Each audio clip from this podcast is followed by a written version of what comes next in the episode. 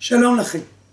זהו, יוצאים לדרך. פרשת בעלותך מתחילה לספר על התנועה קדימה לארץ ישראל.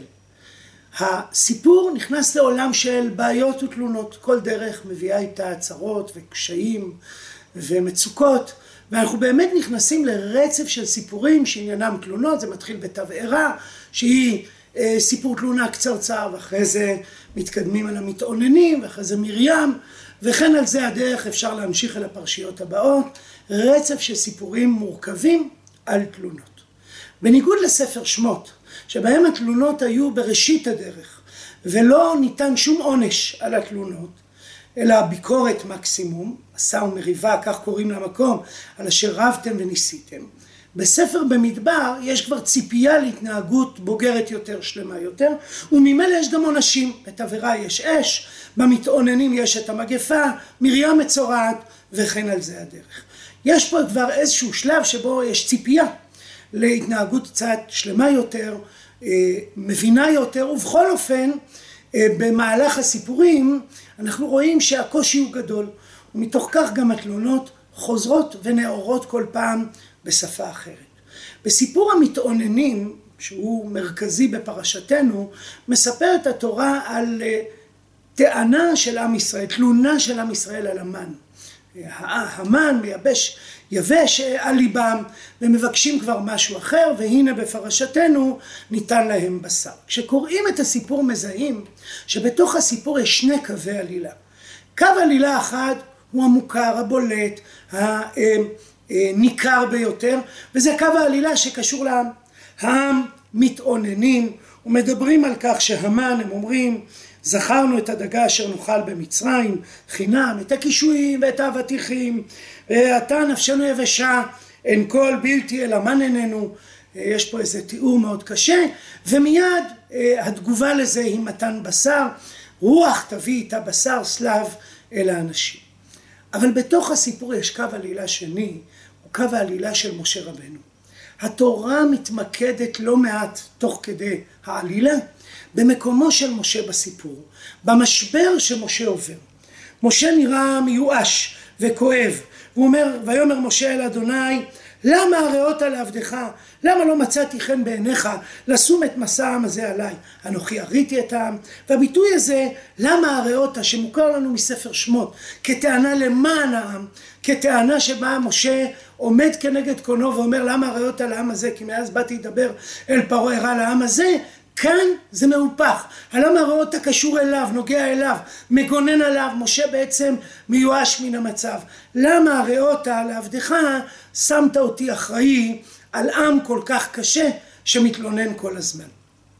התמונה הזו נענית באופן אחר, היא נענית על ידי שבעים הזקנים, ובעצם הסיפור מסורג, פעם אחת מדברים על תלונת העם, ופעם שנייה על תלונת משה, פעם אחת פותרים את תלונת משה, ופעם אחרת פותרים את תלונת העם, כשהרוח נושבת בין הסיפורים. פעם אחת הרוח קשורה לרוח של התגלות, בעצם השבעים הזקנים צריכים להגיע אל עול מועד, וירדתי ודיברתי עמך, עמך, שם והצלתי מן הרוח אשר עליך ושמתי עליהם ונסעו איתך במסע ולא תישא אתה לבדיך. כלומר פעם אחת הרוח היא רוח התגלות, היא רוח אלוהים שמנשבת בקרבם של שבעים הזקנים, ופעם אחרת ורוח נשא מאת אדוני ויגוז סלבים מן הים ויטוש על המחנה, רוח פיזית שמביאה את הסלב לאנשים הרעבים לבשר. התנועה הזו בין סיפור אחד למשנהו כמובן מאפשרת לראות כל סיפור לעצמו ולדון במערכת היחסים הנרקמת בין שני הסיפורים. ואני חושב שהשאלה המעניינת והחשובה היא מה קורה למשה? מדוע משה הגיע לכדי ייאוש? אני מזכיר לכם שאנחנו בסיפור התלונה השני בספר במדבר. אם נספור את כל הסיפורים גם מספר שמות, הרי שנגיע לחמישה או שישה. כלומר, עוד הדרך לפנינו, מה קורה בדיוק כאן? וזה נראה שמשה חווה אחריות עמוקה, גדולה מדי ביחס לעם. הכל תלוי בו, לפי דעתו. הוא במרכז הסיפור, התלונות הן כלפיו, הוא צריך לתת פתרון. איזושהי תחושת אחריות כל כך גדולה, כל כך עמוקה, שהיא מביאה אותו לייאוש ושבר. כשקוראים את הפסוקים רואים שמשה חש שהסיפור הוא כלפיו. בעוד שבתורה כתוב שהעם בוכה למשפחותיו, התורה מתארת ויבכו גם בני ישראל מי יאכילנו בשר, יש פה איזה בכייה לעצמה, הרי שמשה חווה או וישמע משה את, את העם בוכה למשפחותיו וכשהוא מדבר עם הקדוש ברוך הוא אומר פסוק י"ג, אנחנו בפרק י"א פסוק י"ג, מאין לי בשר לתת לכל העם הזה כי יבכו עליי לאמור תנה לנו בשר. החוויה של משה היא שהוא חייב לטפל בכל העניינים, בכל ההיבטים. האחריות היא עליו בכל היבט, וממילא הוא לא עומד במשימה, היא קשה מדי, היא גדולה מדי. אנוכי יריתי את כל העם הזה, אם אנוכי ילדתי הוא, כי תאמר אליי שאהו בחלקך כאשר יישא אומן את היונק על האדמה, אשר נשבעת על האותה. אני כמו אומן, הכל תלוי בי, אני צריך לשאת את התינוק, והתינוק הזה עושה צרות גדולות. אולי אחת המילים שתבהיר בצורה מאוד חדה את התחושה שהכל מונח על כתפי משה היא המילה קרב. כי משה כשהוא מדבר עם הקדוש ברוך הוא אומר, ואומר משה בהמשך הסיפור, שש מאות רגלי העם הזה אשר אנוכי בקרבו, ואתה אמרת בשר אתן להם ואכלו חודש ימים. אני בקרבו, התחושה היא של משה שהעם נמצא תלוי בו, כל מעשיו, כל ההצלחה שם וגם כל הכישלונות תלויים בעצם במעשיו של משה רבנו. נדמה לי שמשה אה, נכנס לתפקידו יתר על המידה וממילא התפקיד קשה מנשוא. כשקוראים כך את הסיפור אפשר לראות שמתנהל פולמוס בין משה לבין הקדוש ברוך הוא. משום שהקדוש ברוך הוא כשהוא מדבר עם משה הוא דואג להבהיר שהדברים נראים קצת אחרת. למשל בפסוק י"ב אומר הקדוש ברוך הוא למשה ואל העם תאמר התקדשו למחר ואכלתם בשר כי בכיתם באוזני אדוני. משה אמר שהם בוכים עליו כי יבכו עליי לאמור. אלוקים עונה לו הם לא בוכים אליך הם לא בוכים על כתפך הם בוכים אליי כי בכיתם באוזני אדוני לאמור מי יאכילנו בשר וכולי וכולי ואז כשהקדוש ברוך הוא מדבר הוא מתקן עוד מושג אחד שמשה משתמש בו. כי מאסתם את אדוני אשר בקרבכם ותבכו לפניו לאמור למה זה יצאנו ממצרים. לא אנוכי בקרבו כמו שמשה אומר אלא אדוני בקרבכם. לא בוכים עליי כדברי משה אלא בוכים באוזני אדוני ובוכים לפני אדוני. נדמה שהקדוש ברוך הוא כחלק מהפתרון אומר למשה בוא רגע נירגע בוא נמתין. זה עם השם יש לך תפקיד חשוב אבל בעצם התלונה היא לא כלפיך התלונה היא כלפי הקדוש ברוך הוא. אגב, דבר דומה קורה עם שמואל בפרשת המלך. שהקדוש ברוך הוא אומר לו, אותך מעשו, כי אותי מעשו ממלוך עליהם. יש רגע שאדם כל כך מרגיש אחריות עמוקה, שהכל נראה לו קשור אליו. והשלב הראשון הוא להבין שזה לא קשור אליך. זה עם השם, הוא מתלונן באוזני השם, שהשם בקרבו, הוא בוכה לפני השם, ואתה בתפקיד מאוד חשוב אבל אתה צריך רגע להרפות את האחריות כדי להתמודד עם התפקיד נכון יותר. ובאמת, עכשיו אפשר להבין את מתן הכוח לשבעים הזקנים. לא רק משה ינהל את העולם, יהיו שבעים זקנים שישרתו אותו, שיעזרו לו, כשהתמונה היא תמונה של שבעים מסביב למשה. הנוכחות של משה תהיה משמעותית, הם יהיו קולו של משה, באי כוחו של משה. ויאמר אדוני אל משה, אספה לי שבעים איש מזקני ישראל, אשר ידעת כי זקני, כי הם זקני העם ושוטרם, ולקחת אותם אל אוהל מועד, והתייצבו שם עמך. להצעתנו, אוהל מועד פה זה לא המשכן, אלא אוהל מועד שמחוץ למחנה, שעליו באחד השיעורים דיברנו בספר שמות, שהיה גם אוהל מועד ומשכן בתוך המחנה, אבל היה גם אוהל מועד ומשכן מחוץ למחנה, שנהגו לקרוא לו בעולמנו מנבאה, מלשון מקום נבואה, כפי שעולה מספר שמות, סוף ספר, סוף ספר שמות. וירדתי ודיברתי עמך שם, והצלתי מן הרוח אשר עליך ושמתי עליהם, ונשאו איתך במסע העם, ולא תישא אתה לבדיך. השורש לשאת שימש את משה בתלונה. כשמשה דיבר על הקושי שהכל תלוי בו, הוא אמר האנוכי הריתי את כל העם הזה עם אנוכי ילדתיו כי תאמר אליי שאהו בחיקך כאשר יישא האומן את היונק אומר לו הקדוש ברוך הוא, הם ונשאו איתך במסעם, ולא תישא אתה לבדיך. התחושה שהכל, שאתה לבד, שהכל תלוי בך, וממילא המשימה הכבדה מנשוא, הרי שוונשאו איתך במסעם, ולא תישא אתה את העם לבדיך. התמונה הזו אבל היא מחוברת למשה, משום שהפעולה היא לא מינוי אחר של 70 זקנים שיחליפו את משה, הוא אפילו לא מינוי של 70 זקנים במנותק ממשה. משה צריך לאסוף אותם, להביא אותם אל אוהל מועד, והתייצבו שם עמך, אפשר ממש לשמוע את הקישור למשה, וירדתי ודיברתי עמך, התהליך יעבור דרך משה, והצלתי מן הרוח אשר עליך ושמתי עליהם. רוחו של משה תגדל ותקרין גם אל רוחם של הזקנים. אני זוכר שאחד הילדים שאל אותי אה, לאחר לידה של ילד נוסף, אז הוא שאל אותי עכשיו אתה אוהב אותי פחות? ואמרתי לו משפט שהרבה הורים אומרים שכשנולד ילד האהבה גדלה והיא עכשיו יכולה גם להגיע גם אל הילד החדש. הרוח גדלה ועכשיו היא יכולה גם להקיף את שבעים הזקנים. רוחו של משה תגדל. ובמובן הזה יש פה איזושהי אמירה שהיא מכבדת את משה.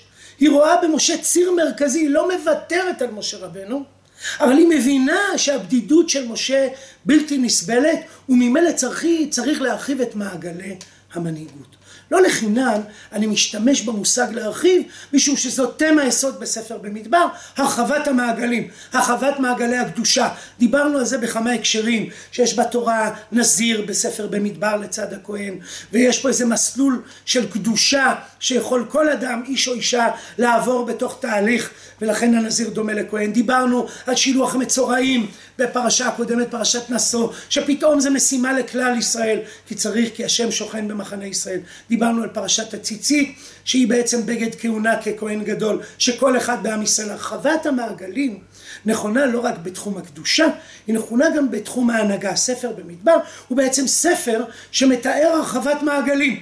וממילא שבעים הזקנים עכשיו עומדים לצידו של משה לשרת בקודש, להנהיג את עם ישראל. אולי נקודת המפנה המרכזית מתרחשת במשבר הגדול שמגיע לשיאו, בשיח בין הקדוש ברוך הוא למשה בשלב השני. הקדוש ברוך הוא אומר למשה שהודיע לעם שיהיה בשר. ומשה אומר משפט מאוד קשה. פסוק כ"א בספר י"א אומר משה ואומר משה שש מאות אלף רגלי העם אשר אנוכי בקרבו. שימו לב הוא מתעקש הקדוש ברוך הוא כבר אמר שהוא הוא בקרב העם אבל משה לא מצליח להשתחרר מן התחושה.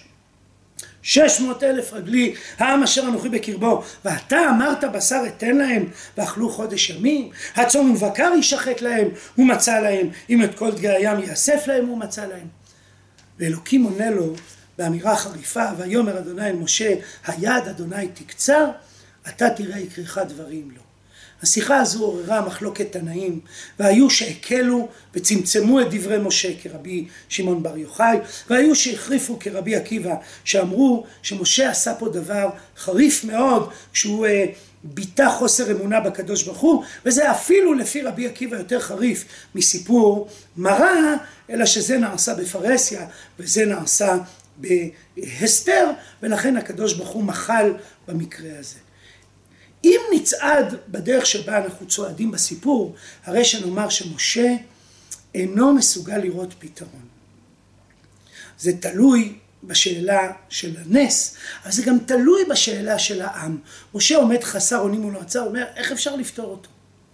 והקדוש ברוך הוא, שימו לב, עונה לו תשובה שהיא אינה תשובה מבוררת. עונה תשובה סתומה משהו. היד אדוני תקצר, אתה תראה איך דברים בו. אבל איך? איך זה ייפתר? הקורא שקרא את הפרשה בשנה שעברה כבר יודע, התשובה היא סלב, אבל זה לא נאמר עד עכשיו. כשהקדוש ברוך הוא דיבר על פתרון הבשר, הוא אמר שיבוא רוח ויהיה בשר, אבל הוא לא הסביר איך יהיה הבשר. והנה באמת משה אומר, אני לא מבין איך זה יקרה, איזה בשר יספיק לעם הזה? והקדוש ברוך הוא לא אומר לו סלב, אומר לו חכה תראה. נדמה לי שהתשובה של הקדוש ברוך הוא היא מכוונת, משום שהקדוש ברוך הוא לא רוצה לפתור את השאלה איך הוא יביא בשר, אלא רוצה להזכיר למשה שמשה הוא משרתו של הקדוש ברוך הוא ממילא הוא לא יודע הכל. יש בעל בית לבירה, יש מישהו שיודע משהו שהוא לא יודע. ובמובן הזה הוא מנסה להחזיר אותו למקומו כשליח שיודע את חלקו בסיפור אבל אינו יודע את כל התמונה. זאת אמירה משחררת, זאת אמירה מרגיעה, כילד שמרגיש שההורים שלו מטפלים במצב, הוא לא יודע מה הם יעשו, אבל יש לו הורים והעסק מטופל. התמונה היא תמונה של החזרת ההבנה שאלוקים מנהל פה את הסיפור משה ומשרתו וגם אם זה מתוך אחריות עמוקה זה רגע לוותר על ההבנה המוחלטת של הסיפור. זה הרגע שבו האדם חוזר להיות אדם, הוא לא יודע את כל התמונה. והקדוש ברוך הוא עונה לו תשובה, שיש בה אמירה מאוד ברורה, יד אדוני תקצר, אתה תראה.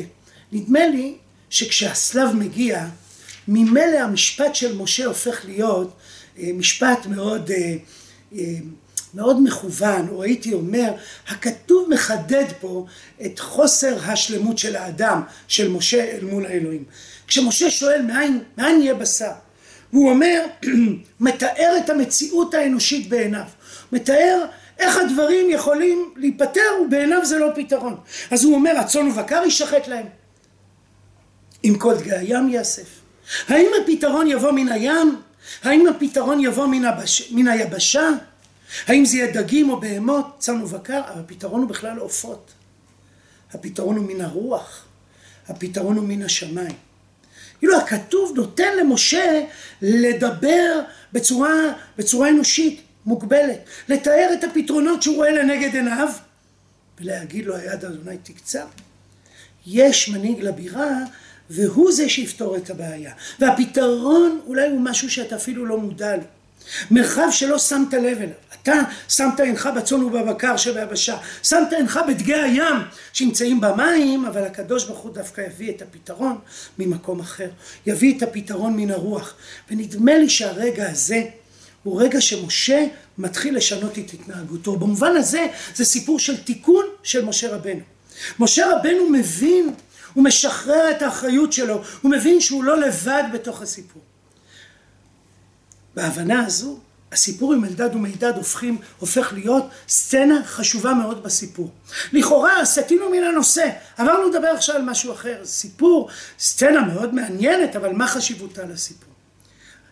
כשהנביאים, הזקנים מתנבאים, הם מתנבאים להבנתנו מחוץ למחנה, באוהל מועד שבחוץ. הם מתנבאים סביבות משה. משה הוא המנהיג, הוא עומד עליהם, אומר הכתוב ויאסוף שבעים איש מזקני העם, ועמד אותם סביבות האוהל, וירד אדוני בענן, וידבר אליו, הוא מדבר אל משה, ויעצל מן הרוח אשר עליו, ויתן על שבעים הזקנים, ויהי כנוח עליהם הרוח ויתנבאו ולא יסף. אבל פתאום קורית תקלה. וישארו שני אנשים במחנה, שם האחד אלדד ושם השני מידד, ותנח עליהם הרוח והמה בכתובים ולא יצאו האוהלה. הם לא יצאו לאוהל מועד שמחוץ למחנה, ויתנבאו במחנה. יש פה סיפור דרמטי. שני אנשים שמתנבאים שלא בעזרת משה, שעוברים חוויה נבואית גדולה במנותק ממשה. הם מאיימים לכאורה על המנהיגות של משה, על שלטונו, על הייחודיות של משה. מי, מי מרגיש שזה איום? הנער. שהרי מה הנער עושה? והרוץ הנער ויגיד למשה. מי עוד מרגיש שזאת בעיה קשה? יהושע. שהרי יהושע אומר אדוני משה כלהם. האם יכול להיות שיהיה הרחבת מעגלי ההנהגה שלא דרך משה? זה נשמע מאיים. ושימו לב שאלדד ומידד מאיימים יותר משבעים הזקנים, לא רק כי הם במנותק, הם במנותק גם במובן של הרוח, גם במובן של המרחב. זה קורה בחוץ, זה קורה בפנים, במרחב אחר, ויש להם שמות. התנ"ך לא תמיד, התורה לא תמיד אומרת שמות.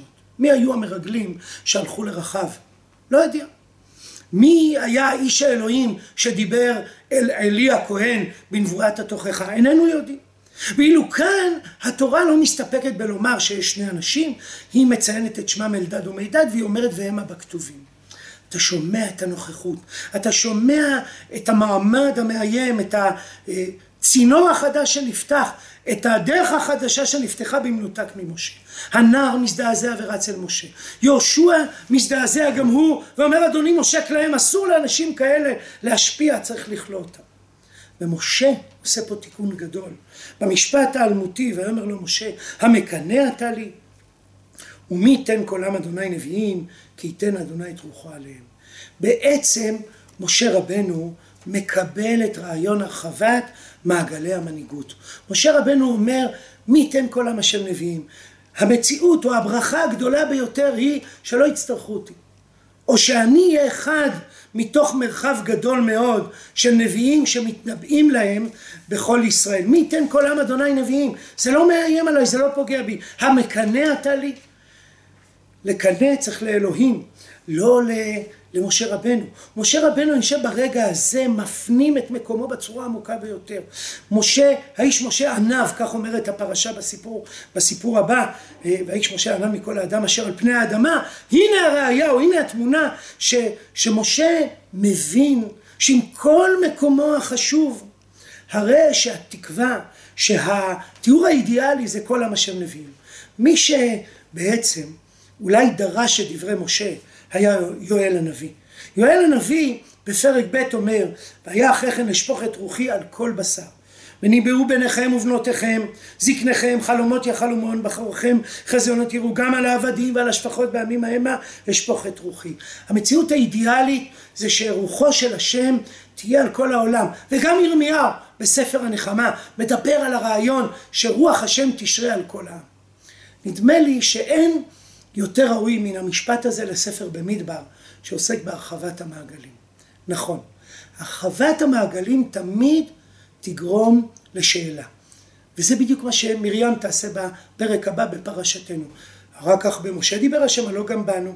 וממילא נצטרך לדון בשאלה, אז מה משה מיוחד מכל האחרים? והפרק יבחין בין משה לשאר הנביאים. אבל עצם הרעיון של הרחבת המעגלים הוא קריאה רוחנית. שהספר במדבר נושא על כתפיו בדרכים שונות, כפי שנראה גם בשיעורים הבאים.